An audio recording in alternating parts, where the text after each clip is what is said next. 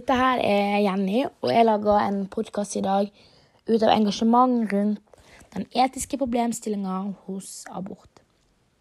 Og den, den vil jeg kicke i gang med med et sitat fra jw.org, altså Jehovas vitnes nettside.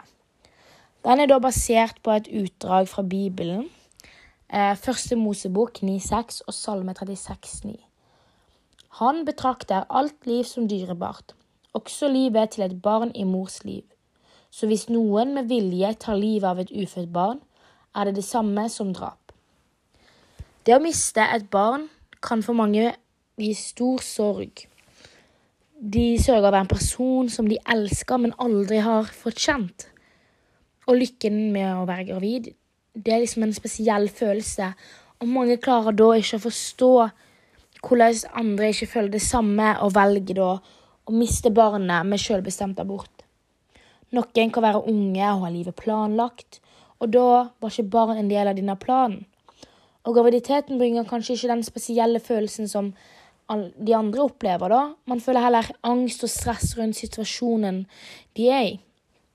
Det å føde barnet kan være føre til en helt annerledes framtid som kan påvirke livet til, til mora. Og oppfostre et barn det er ikke en lett oppgave. Og det krever tid og penger, og faktisk dedikasjon resten av livet. Og Derfor er jo fødsel en livsavgjørelse. Her står det da to verdier opp mot hverandre som stiller spørsmål. Er det riktig å ta liv som ikke er ditt, og hvem sitt liv stilles høgst? Mora eller barnet? Abortmotstandsbevegelsen Pro Life Europa de kjemper for menneskets rett til å leve. Denne organisasjonen de bruker en fredelig vinkel inn mot debatten, og de kaller seg ureligiøse og upolitiske. Eh, dette med, det er et slagord der de sier 'fra unnfangelse til naturlig død'. De mener da at mennesket har rett til å leve fra livet har starta til en dør en, på en naturlig måte. Alt liv er dyrebart, og død er da den siste utveien. Deres svar på uønsket graviditet det er tilrettelegging, og mener du at uønska barn skal få adoptivforeldre?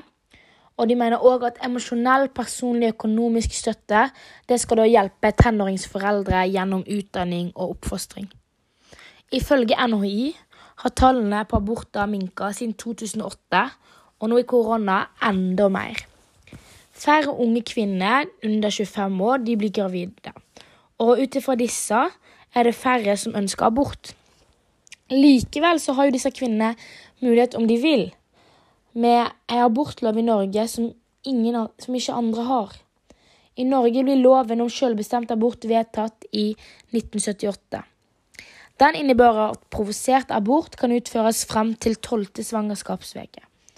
Abort er gratis, og det gjør jo at det er en mulighet for alle. Men i Texas derimot, der er ikke det lov å avbryte svangerskapet for, for øyeblikk man har eh, hørt hjertelyd hos fosteret. Sju uker er da grensa. Og brudd på reglene kan føre til en bot på 100 000 kroner.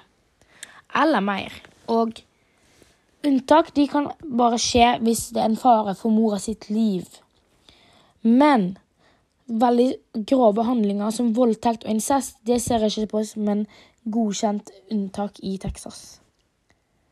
Dette tilfellet med Texas, der har jo ikke kvinner bestemmelsesrett overfor sin egen kropp og liv.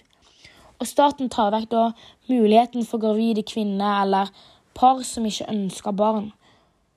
Og en så streng abortlov har jo i historien tidligere vist seg å utsette kvinner for helseproblemer. For eksempel i Sovjet, før revolusjonen i 1917, hadde de, de hadde en abortfri stat.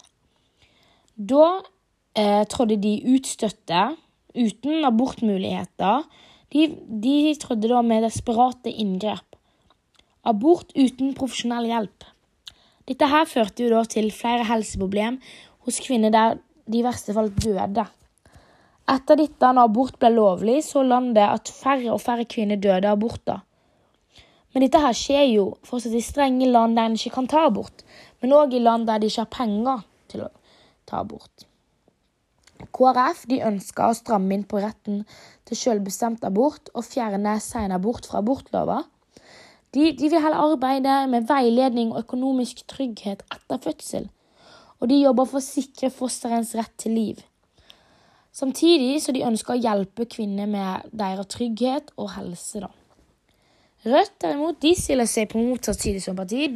Og når det gjelder abortpolitikken, så ønsker de å fjerne abortnemnden, og da tillate selvbestemt abort fram til uke 22. Eh, ved å lese i NHI, NHI så skriver de da at eh, og beskriver fosteret som en miniatyr nyfødt med lepper, øyelokk og øyenbryn med mer distrikt. Øynene er dannet, men regnbuehinnen mangler fortsatt pigment. Dette her viser jo da til et foster like stort som en papaya. En papaya som vokser fort, med armer som kan gripe, bein som kan sparke, og en hjerne som utvikler smertesenter. Likevel sier NHI at fosteret ikke kan føle smerte før uke 24 til uke 26. Og det er pga. at hjertebanken ikke er utvikla nok. Spørsmålet blir da vil da fosteret være et individ, eller vil det være et menneske som har rett på liv? Drap det er kort beskrevet. Å ta liv eller på en eller annen måte stå direkte ansvarlig for andres død. Men når vil fosteret defineres som liv?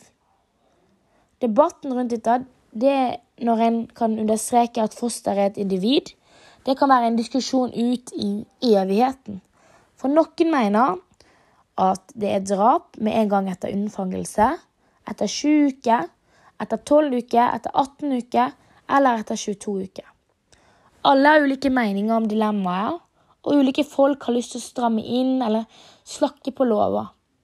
Konsekvensetikken spør om hvordan flest mulig kan få utbytte av valget. Da mener jeg fritt valg. Pliktetikken spør om hvordan handlingen kan gjøre, gjøres regel for alle mennesker. Og da mener jeg fritt valg. Dydsetikken spør om hvilken handling som har best innvirkning på fellesskapet. Og svaret mitt er nok en gang fritt valg. Fordi ved fritt valg vil alle få makta til å bestemme sjøl hva som er best valg.